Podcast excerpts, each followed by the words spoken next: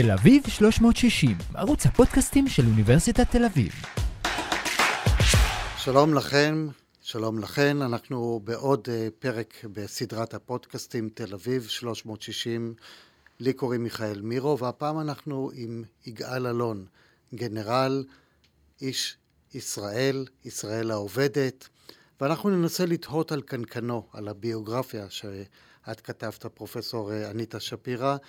יש פה סיפור על איש שהשם שלו בכלל פייקוביץ' במקור. נכון. לא אלון, זה גם סיפור, איך הוא החליף את שמו. גנרל, איש מאוד ידוע במלחמת אה, השחרור ובכלל במלחמות שקדמו לכך כל המאבקים. בפוליטיקה הוא היה, אבל משהו שם לא עבד. ובאמת מעניין לראות למה זה קרה. אז באמת, בואי תספרי על פייקוביץ'. יגאל פייקוביץ' נולד במסחה. וזה כבר אמרתי חצי מהסיפור. כפר שכוח אל בגליל התחתון, אה, בן זקונים במשפחה אה, שהיו בה הרבה ילדים, שנשאר אחרון בבית כשכל האחים עזבו, והוא בעצם נשאר תקוע עם המשק, עם האבא הדומיננטי שלו, שהוא מצד אחד העריץ, מצד שני הרגיש שהוא בעצם מונע ממנו לפרוס כנפיים. הרגע שבו יגאל אלון התחיל לצמוח היה כשהוא הגיע לבית ספר כדורי. ושם לראשונה הוא פגש את האליטה של היישוב.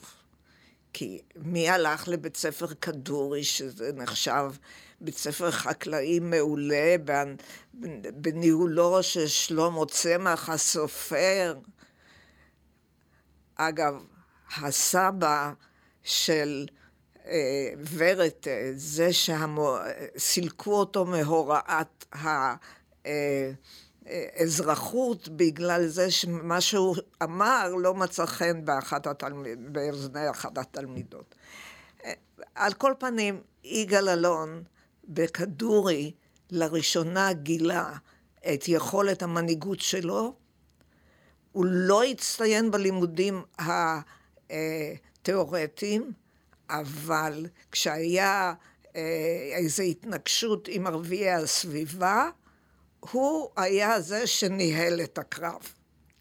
חשוב לציין שאת הזכרת את אבא שלו, שהיה דמות מאוד חשובה בחיים שלו, ויגאל אלון היה באמת ילד קטן, כי אה, הפרש של אה, כמעט 20 שנה בין, בינו לבין האחרים. והוא חינך אותו להיות uh, איש שיודע כבר להילחם, הוא קיבל מתנה אקדח כבר בגיל 13. הסיפור של הבר מצווה שלו, אחרי שהוא עלה לתורה, האבא אמר, יש עוד חלק בהתבגרות שלך. לקח אותו לשדה בלילה, שם אותו מאחורי איזה שיח ואמר לו, אתה תשמור שלא יבואו לגנוב לנו מהגורן. והילד הזה עמד נפעם, נרגש, אבל גם מפוחד, בסך הכל ילד בן 13, ורק קיווה שאף אחד לא יגיע. מעשה שטן, מגיעה שיירה של בדואים ומנסים להתחיל לקחת אה, אה, את התבואה, והוא עושה כמו שאבא שלו אמר, צועק שוהדה, הם מתעלמים ממנו.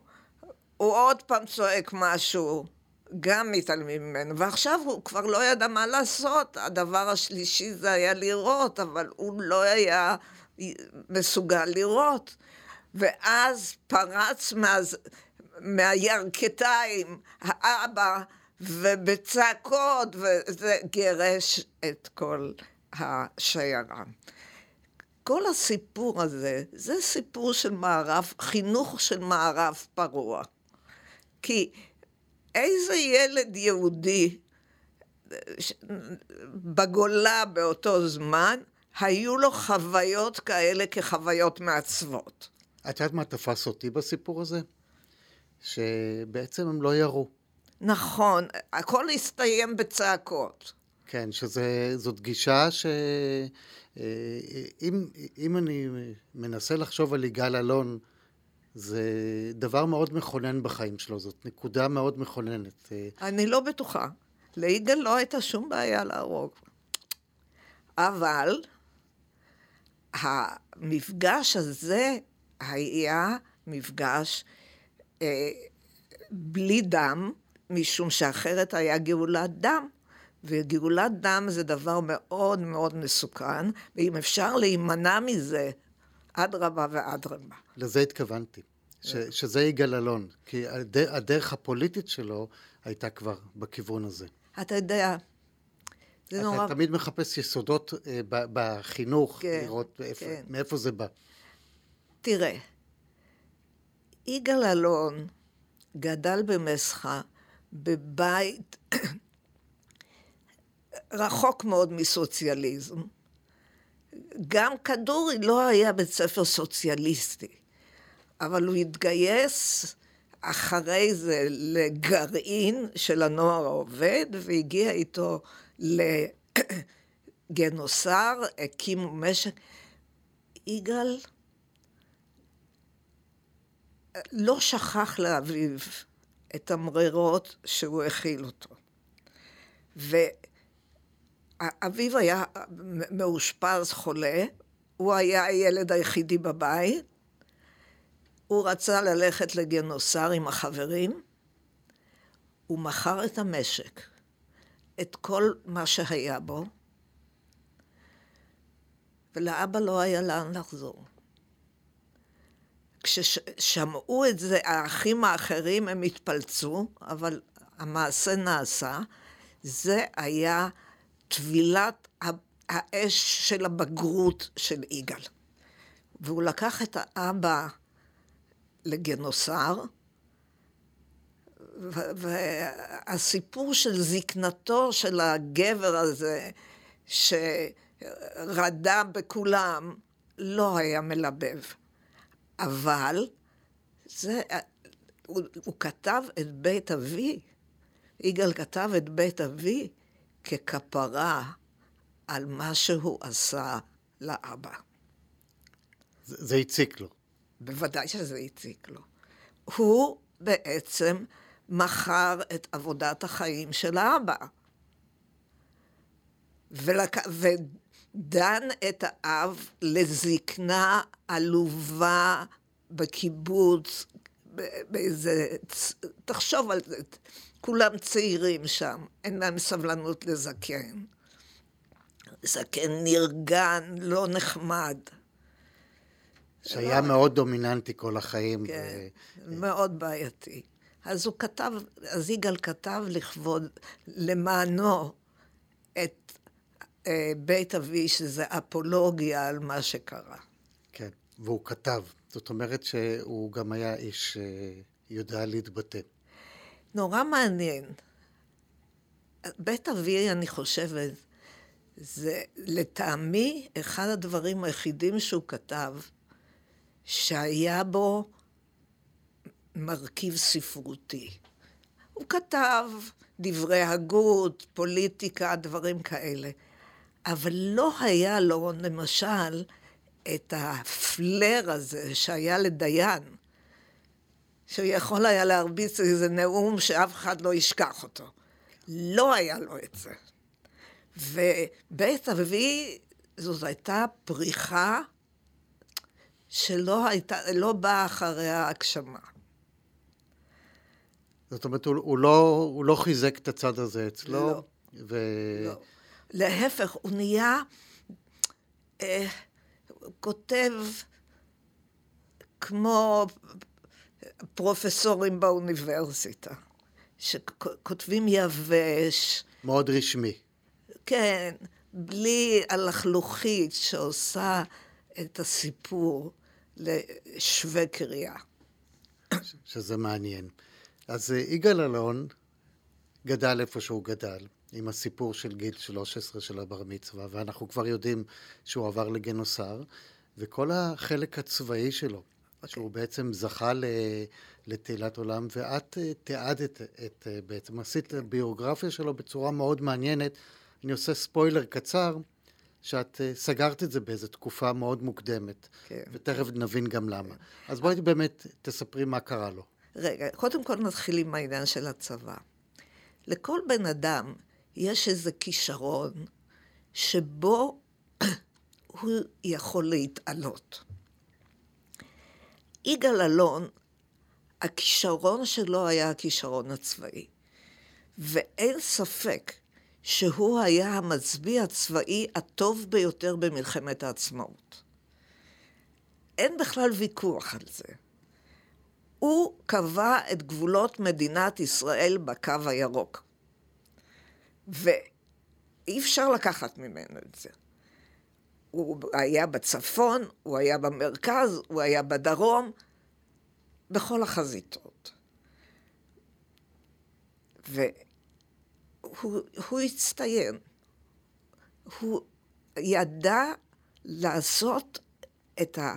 לגרום לחיילים, לפיקודים שלו, לעשות את המאמץ הקטן הנוסף, שעושה את ההבדל בין ניצחון לתבוסה. מה זה היה גם דוגמה אישית? זאת אומרת, אה, זה, או שזה העניין של איך אתה מתייחס אל הפקודים? העניין של המנהיגות שלו. היה לו, הנה למשל, דוגמה. המספר שניים שלו היה יצחק רבין. לרבין לא היה את זה. כשאתה מדבר עם פלמחניקים, יגאל אלון שני לאלוהים, רבין חשוב בגלל מה שקרה אחר כך, אבל לא בגלל הפלמ"ח. ל- לרבין לא היה את היכולת הזאת לחבק, לתת מילה טובה, ל- להוציא מהאנשים את המאמץ הנוסף. וליגאל היה את זה. עכשיו אני רוצה לדבר, רגע, תרשה לי, על היחס שלו לערבים. מותר? ברור. כבר דיברנו. בגיל 13 זה היה המפגש הראשון. לא. הייתה לו מנקת ערבייה. אביו לא היה חסיד של עבודה עברית, אצלו בחצר גרה משפחה של חרטים, זאת אומרת אריסים, שעבדו תמורת עשירית מהיבול. הוא ידע ערבית, הוא אהב קירות ערביות, זאת אומרת, לאכול עם הידיים, עשה לו כיף נורא. ויחד עם זה, יגאל אלון היה המגרש הגדול במלחמת העצמאות. וכשאתה חושב על זה, אחר כך הוא היה יונת סחורה. אבל במלחמת העצמאות, תסתכל איפה שעברו, עבר יגאל, לא נשארו ערבים.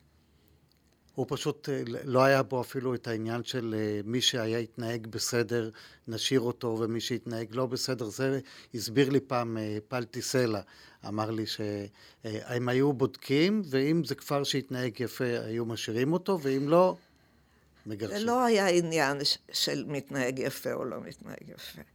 הבעיה הייתה אסטרטגית.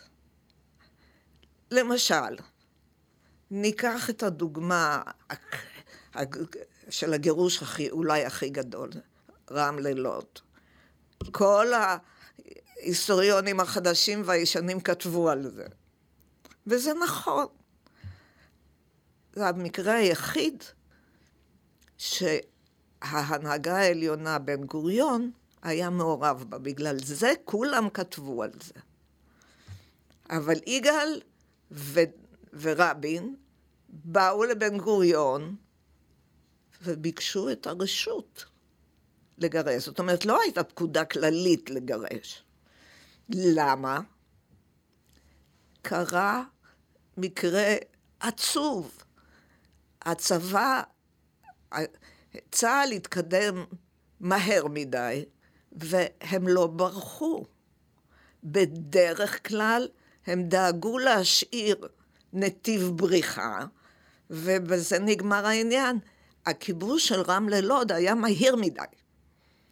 והתוצאה הייתה שהם נשארו צבא מתקדם, הם נשארו עם עורף שהם לא ידעו מה לעשות איתו.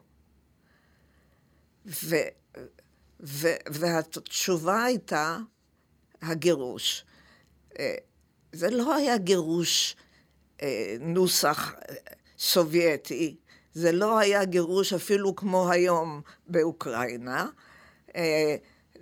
לאנשי רמלה סידרו אוטובוסים, אנשי לוד הלכו ברגל, והיה חם, וזה היה למעלה מעשרה קילומטר, זה לא היה פשוט, ואנחנו מדברים על חברי הכשרות שהסתכלו על זה, והיה להם קושי מוסרי עם זה.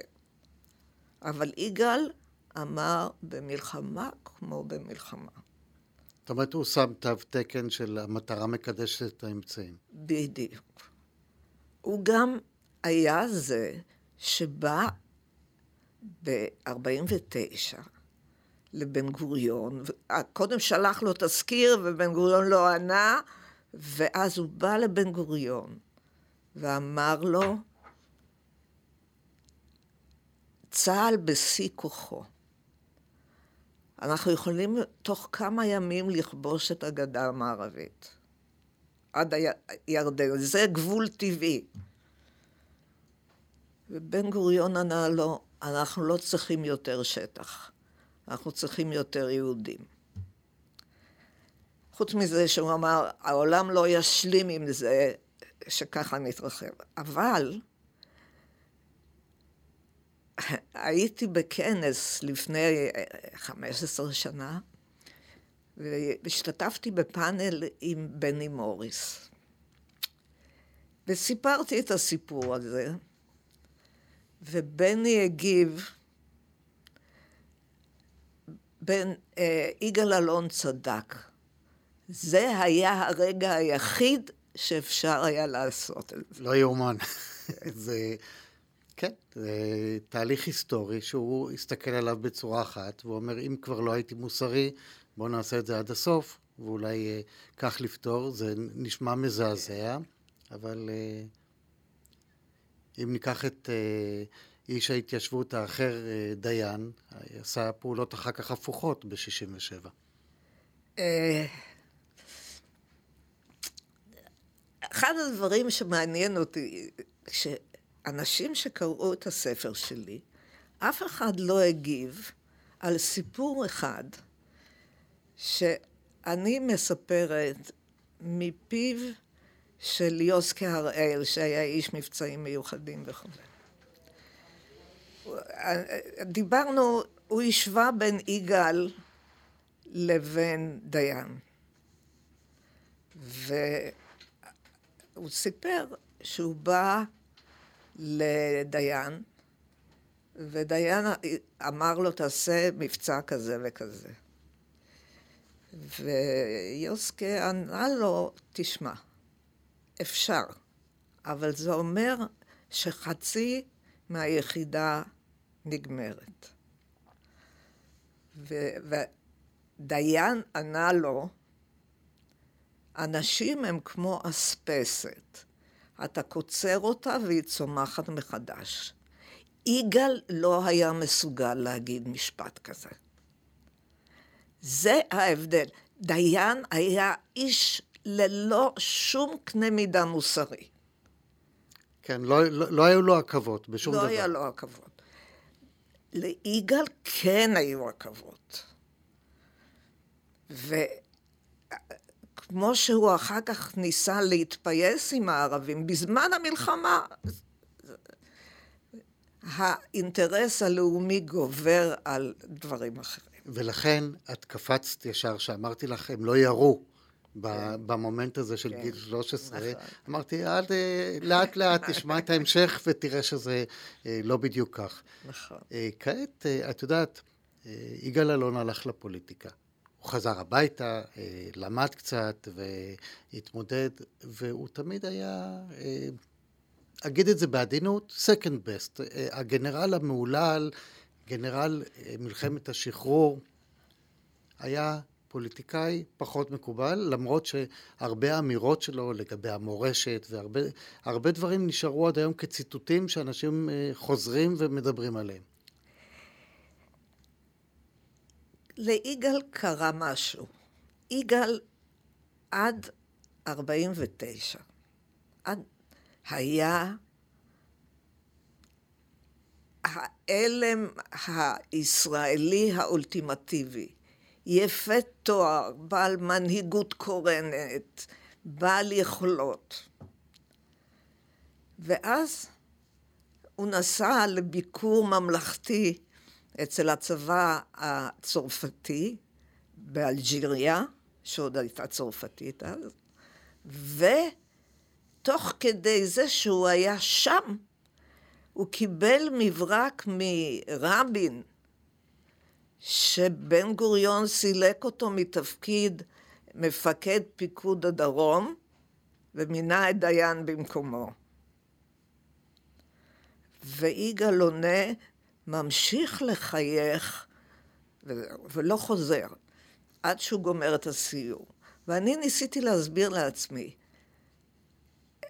מה, מה, מה קרה פה? אז חשבתי ככה,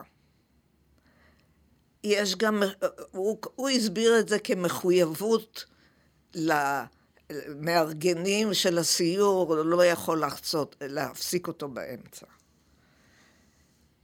אולי גם הוא רצה ללמוד משהו מהצבא הצרפתי.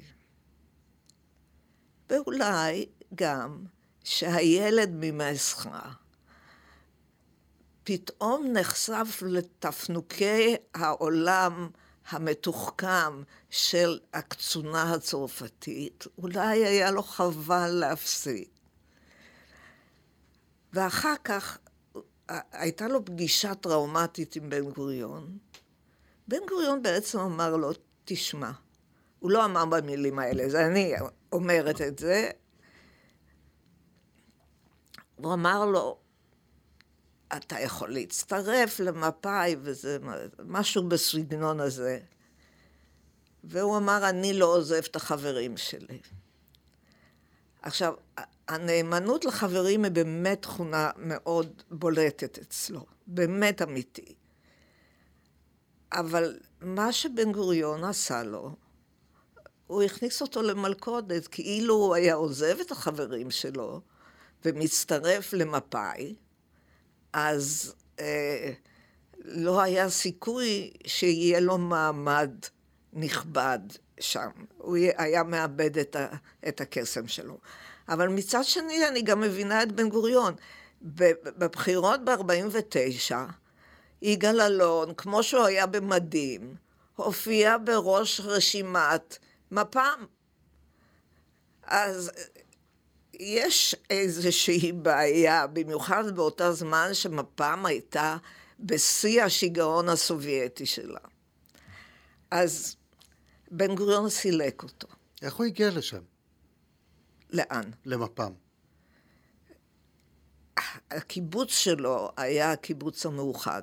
הקיבוץ המאוחד הקים את אחדות העבודה, זו הייתה מפלגה פורשת ממפא"י, וב-48' הוקמה מפ"ם, המפלגה, מפלגת פועלים מאוחדת של השומר הצעיר ו... ואחדות העבודה, וככה הוא הגיע למפ"ם. החיבור הזה, ש- ש- דרך אחדות כן. העבודה בעצם. והוא אף פעם לא הרגיש שם בבית. כי הוא יותר מוכר כאיש אחדות העבודה, נכון, נכון. ו... שזה כבר האוטסיידר בת- מה- מהמיינסטרים. נכון. עכשיו, ה... התוצאה הייתה שהוא פרש מהצבא. הוא לא נהיה רמטכ"ל. המטרה הראשונה שהייתה לו בחיים. עכשיו אנחנו מגיעים למטרה השנייה. ערב מלחמת ששת הימים. אשכול מחפש איזה גנרל שייתן קצת זוהר לממשלה שלו שנראית מאוד דפיטיסטית. והוא רוצה את יגאל, יגאל חבר ממשלה, והוא מאוד מחבב את יגאל. אבל מרכז מפא"י לא רוצה את יגאל. מרכז מפא"י מעדיף את הגיבור של מלחמת סיני, את דיין. ויגאל מחכה לזה שישראל גלילי יילחם בשבילו.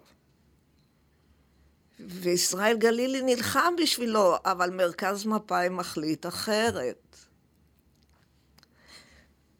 ולימים הסתובבה אגדה שיגאל היה אז במוסקבה, וגלילי לא קרא לו מספיק מוקדם לחזור הביתה.